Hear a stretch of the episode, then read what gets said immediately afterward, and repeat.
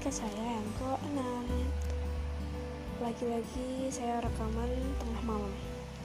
Sekarang jam 12 lebih 1 menit. Dan saya baru aja pulang Baru aja balik, balik sampai kos dari acara gathering fakultas tadi. Uh, Gak tahu, pengen aja bikin podcast ini sebelum saya nanti lupa mau ngomongin apa jadi tadi dulu nih tadi siang saya ikut kelas besar pemain sigar muslim dan di sana saya dapat materi yang menurut saya itu bagus banget buat dibagi sama kalian semua di sini. Apa sih materinya? Jadi materinya itu tentang kapitalisasi kebaikan. Wis, kapitalisasi kebaikan. Tapi sebelum itu saya mau bahas tentang sebuah tantangan yang diberikan Allah kepada kita hambanya terutama kita di sini pemuda yaitu berdakwah. Jadi Allah tuh memberi tantangan kepahlawanan kepada kita. Yaitu berdakwah tuh hukumnya fardu kifayah di mana hukum ini tuh wajib tapi ketika udah ada yang melaksanakan kewajiban itu jadi gugur. Nah Allah pengen kita jadi pahlawan yang melaksanakan dakwah ini. Kenapa? Karena kita memenuhi kualifikasi atau kompartmen uh, yang memenuhi jadi yang pertama tuh karena umur kita masih muda terus yang kedua kita punya relasi dan yang ketiga kita berada di lingkungan yang baik kemudian kita juga didukung dan disokong oleh fasilitas-fasilitas yang baik pula. Nah kenapa sih kita? Kenapa nggak orang lain? Karena kita tuh orang-orang yang terpilih buat melakukan kebaikan itu. Di surat Ali Imran ayat 104 yang bunyinya ila khairi wa yamuruna bil ma'ruf wa yanhauna 'anil munkar wa ulaika humul muflihun. Artinya dan hendaklah di antara kamu ada segolongan orang yang menyeru kepada kebajikan, menyuruh berbuat yang makruf, dan mencegah dari yang mungkar. Dan mereka itulah orang-orang yang beruntung. Coba deh kita tahu ayatnya. Di sini Allah bilang, di antara kamu ada segolongan orang. Segolongan orang itu kan berarti cuma sedikit kan ya, nggak banyak, cuma sebagian dari kita. Misal uh, di kampus dari sekian mahasiswa pasti yang melakukan misi kepahlawanan dari Allah ini cuma dikit banget dan perbandingannya sangat jauh dari jumlah total mahasiswa. Nah, orang-orang itu adalah orang-orang yang terpilih, sebagian dan segolongan dari uh, orang-orang yang ditunjuk Allah buat menyeru kepada kebajikan dan mencegah dari yang mungkar. Dan orang-orang itu adalah orang-orang yang beruntung, sebagaimana yang Allah jelaskan di akhir ayat tadi dan mereka itulah orang-orang yang beruntung.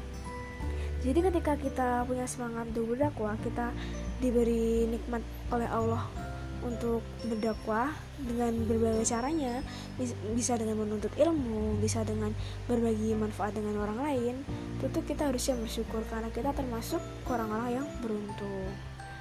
Next uh, tadi tuh disinggung tentang sebuah pepatah Arab yang beneran terngiang yang di kepala saya sampai saat ini. Jadi gini, seseorang akan dimudahkan dengan tujuan apa yang diciptakan. Saya ulang ya, seseorang akan dimudahkan dengan tujuan apa yang diciptakan. Maksudnya gimana? Jadi maksudnya, misalnya kita diciptakan buat jadi orang baik, pasti kita akan Allah mudahkan untuk melaksanakan kebaikan-kebaikan. Jadi uh, kita dimudahkan buat melakukan kebaikan-kebaikan, kita dimudahkan untuk menebar manfaat buat orang lain, kita dimudahkan untuk mendekatkan diri kepada Allah. Itu uh, bisa jadi karena tujuan kita diciptakan emang itu untuk menjadi orang baik tapi kita juga harus introspeksi diri juga buat sebaliknya misal ketika kita ternyata malah mudah melakukan maksiat. Ketika kita tuh rasanya mudah banget buat bermaksiat rasanya kok tiap kali ada jalan aja buat maksiat. Kita harus introspeksi diri lagi termasuk saya. Uh, jangan-jangan tujuan kita diciptakan tuh buat bukan buat jadi orang baik. Jangan-jangan tujuan kita diciptakan buat orang yang rajin maksiat. Nah juga balik ya.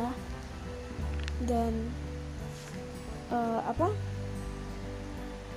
kalau kita dimudahkan menuju kebaikan kebi kebaikan tujuan kita tuh semoga diciptakannya buat itu buat kebaikan kebaikan itu. Misalnya nih cerita kalian pernah dengar gak cerita tentang Nabi Muhammad SAW yang Allah tidurkan ketika beliau sedang menonton sedang ada di sebuah apa ya namanya kalau sekarang tuh kayak klub kayak klub kan. Yaitu pas itu ada pertunjukan tarian Arab. Dan pada saat itu Rasulullah Allah tidurkan sehingga pandangannya terjaga. Nah itu tuh merupakan salah satu bukti cinta Allah kepada Rasul dan salah satu bukti bahwa uh, emang tujuan Rasul diciptakan tuh untuk menjadi orang yang baik. Makanya Allah dekatkan beliau dengan kebaikan-kebaikannya. Terus tujuan hidup kita di dunia tuh sebenarnya apa sih uh, selain beribadah salah satu tujuan hidup kita dunia itu untuk bermanfaat bagi orang lain. Jadi kita harus membuat kebermanfaatan di mana pun kaki kita menapak. Dan setiap saat setiap uh, detik demi detik kita harus membuat kebermanfaatan kita tuh tiap hari naik level. Jadi misalnya nih misal kita memberi manfaat buat orang lain cuma sekedar senyum doang. Terus hari berikutnya kita memberi manfaat buat orang lain kita bantu bapak-bapak yang mungkin kehabisan mesin di jalan. Terus kita naik level lagi dan misalnya kebaikan yang ketiga kita sedekah buat anak yatim dan seterusnya. Jadi kita harus selalu berusaha untuk meningkatkan kualitas kebaikan kita sehingga tiap hari itu kita bisa naik level kebermanfaatannya. Dan hal sesepele senyum pun itu tuh besar banget loh manfaatnya. Tadi diceritain di Jogja tuh ada seorang dokter. Dokter yang kalau senyum tuh bikin orang ikut senyum. Kalau senyum tuh senyumnya tulus banget. Nah suatu hari tiba-tiba ada seseorang laki-laki dia datang terus tiba-tiba meluk dokternya. Dia dokternya kan bingung kan wah kenapa? Kok kok tiba-tiba peluk saya? gitu. Terus orang itu bilang e, terima kasih dok. Terima kasih gitu kan. Nah ternyata beberapa tahun sebelumnya orang itu tuh pernah jadi orang yang depresi. Pernah jadi orang yang depresi di mana dia kehilangan anak istrinya terus perusahaannya bangkrut utangnya di mana-mana dikejar rentenir dan dia sempat berpikir buat bunuh diri. Bahkan udah mau bunuh diri udah di uh, parkiran masuk parkiran dia udah mau terjun kan udah mau jatuh. Nah ketika dia mau bunuh diri, diri itu si dokternya tadi tuh dia lewat mau ngambil mobil dan dokter itu senyum senyum ke orang itu. Dengan senyumnya yang emang disegani banget itu kan. Terus laki-laki itu langsung mengurungkan niatnya buat bunuh diri. Karena apa? Karena dia dalam hati berpikir begini. Ya Allah ternyata masih ada yang mau senyum sama saya. Ya Allah ternyata masih ada ya orang yang mau baik sama saya. Dan hal-hal hal sesederhana senyum itu gimana apa ya kita kan nggak bisa bayangin ya ternyata hal sepele senyum itu bisa menyelamatkan nyawa seseorang. Jadi kalau kita bis, belum bisa menemukan manfaat yang levelnya tinggi mulai aja dari senyum. Mulai senyum ke orang yang kita kenal lewat lewat ke guru ke dosen uh, ke cutting ke semuanya ke teman-teman. Gitu. Terus uh, oh iya. Habis itu tadi itu dijelasin tentang Quran surat, surat Al-Baqarah ayat 186 yang itu loh. Bentar saya juga gak lupa. Yang oh ini. Artinya begini. Dan ketik dan apabila hambaku bertanya kepadamu tentang aku maka jawab, jawablah bahwa aku ini adalah dekat. Aku mengabulkan permintaan orang-orang yang berdoa kepadaku. Dan seterusnya. Nah, itu tuh tentang syariat tentang doa. Di ayat yang ke-186. Allah sendiri yang bilang kalau kita sebelum kita tanya Allah itu di mana? Allah tuh udah bilang sama kita sendiri. Ketika kita bertanya demikian Allah langsung menjawab sendiri aku itu dekat. Dan di, di ayat yang lain dalam Al-Quran Allah juga bilang aku lebih dekat daripada urat lehermu sendiri dan Allah tuh ada di mana pun kita berada. Uh, dan ketika kita pengen doa kita dikabulkan oleh Allah kita juga harus bersegera untuk menaati perintah Allah. Misal kita pengen doa kita dikabulkan tepat waktu ya kita harus menaati perintah Allah tepat waktu juga. Dan kalau kita pengen dapat sesuatu yang di luar doa kita yang sesuatu yang gak pernah kita bayangin kita juga harus memajukan seruan kita ke Allah. Memajukannya gimana? Misal nih kan kita subuh kalau di Solo tuh jam 4 jam 4 atau subuh deh. Jam 4 tuh udah subuh terus misal nih kita subuh jam 4 kan udah sholat tepat waktu. Nah itu kalau kita sholat tepat waktu kan doa kita bakal dikabulkan dengan tepat waktu oleh Allah dan ketika kita pengen mendapatkan sesuatu yang nggak pernah kita doakan sesuatu yang gak diduga-duga sesuatu yang baik pastinya kita harus me lebih memajukan uh, ke ketaatan kita. Gimana? Misalnya misalnya kita yang biasanya bangun jam 4 pagi buat subuh kita berusaha bangun jam 2 dulu buat tahajud. Habis tahajud zikir terus baru subuh dan begitulah.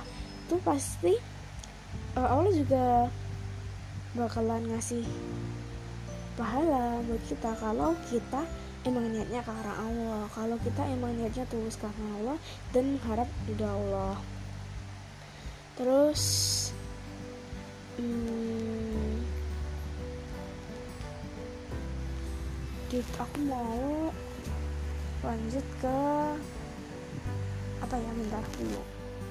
Oh iya pernah gak sih ngerasa kalian udah kita terutama udah berbuat banyak banget kebaikan-kebaikan. Dan tapi kita ngerasa kayak kebaikan-kebaikan yang kita buat tuh sia-sia. Sia-sia gimana? Sia-sia ngerasa kayak ya nggak ada hasilnya nggak membuahkan hasil sama sekali. Tapi sebenarnya tuh kita salah karena semua kebaikan yang diniatkan karena Allah itu pasti akan ada balasannya. Uh, apa ya? Saya pernah baca buku di nanti kita cerita tentang hari ini. Itu ada salah satu kata-kata begini. Pokoknya intinya kalau ada yang bilang semua usaha yang kita lakukan sia-sia itu sebenarnya salah. Karena kerikil yang dilempar pun jadi gelombang. Itu perumpamaannya indah banget sih. Kerikil yang dilempar pun jadi gelombang iya juga ya. Hal sekecil apa pun itu pasti ada dampaknya. Baik kebaikan maupun keburukan. Dan ya gak ada yang sia-sia kalau kita meniatkan sesuatu karena Allah mungkin balasnya emang bukan sekarang bisa aja tahun depan atau lima tahun lagi atau 10 tahun lagi atau mungkin di akhirat nanti kan? Kita nggak tahu kan ya. Terus nih soal kapitalisasi kebaikan. Jadi tadi tuh ada teman saya yang nanya e, gimana sih cara kita mengajak orang-orang buat menuju ke kebaikan-kebaikan dan menuju ke jalannya Allah di saat orang itu tuh nggak pernah bersentuhan yang itu sebelumnya. Kan kebanyakan kalau misalnya nih di LDK lembaga dakwah kampus itu kan yang masuk ke LDK ya orang-orang yang sebelumnya emang udah bersentuhan dengan hal yang demikian. Mungkin pas SMA masuk rohis atau mungkin memang frekuensinya di situ dan teman saya nanya, nanya gimana sih caranya kita ngerangkul orang juga orang-orang yang sebelumnya tuh nggak pernah bersentuhan dengan hal-hal demikian. Kayak begitulah. Terus materinya jawab begini. Kalau gitu yang harus kita lakukan adalah kita harus kapitalisasi kebaikan. Jadi orang-orang yang habis dari kajian misalnya tugas orang itu adalah berdiaspora diaspora tuh dia menyebarkan apa yang dia dapetin ke orang-orang lain. Dan tugas mendiaspora kebaikan itu itu bukan tugas lembaga dakwah kampus itu bukan tugas organisasi tapi itu tugas masing-masing individu person by person. Jadi tugas kita masing-masing untuk berdiaspora dalam kebaikan untuk menyebarkan kebaikan-kebaikan kepada orang-orang. Dan ya begitu aku mau ngomong apa lagi? Aku bingung. Karena aku cuma review materi yang aku dapat tadi. Udah 15 menit lebih ternyata. Ini ini aja deh closing statement. Wis. Tadi closing statementnya dari pematerinya tuh gini. Kata-kata Pak Anies Baswedan pemuda emang minim pengalaman, makanya pemuda tidak menawarkan masa lalu, tapi pemuda menawarkan masa depan. Nah, begitulah. Jadinya, saya nggak tahu saya ngomong apa karena emang podcast ini podcast random yang saya bikin tanpa draft, tanpa coret-coret dan langsung ngomong jadinya kalau ada banyak salah saya mohon maaf diambil yang positifnya aja Wassalamualaikum warahmatullahi wabarakatuh.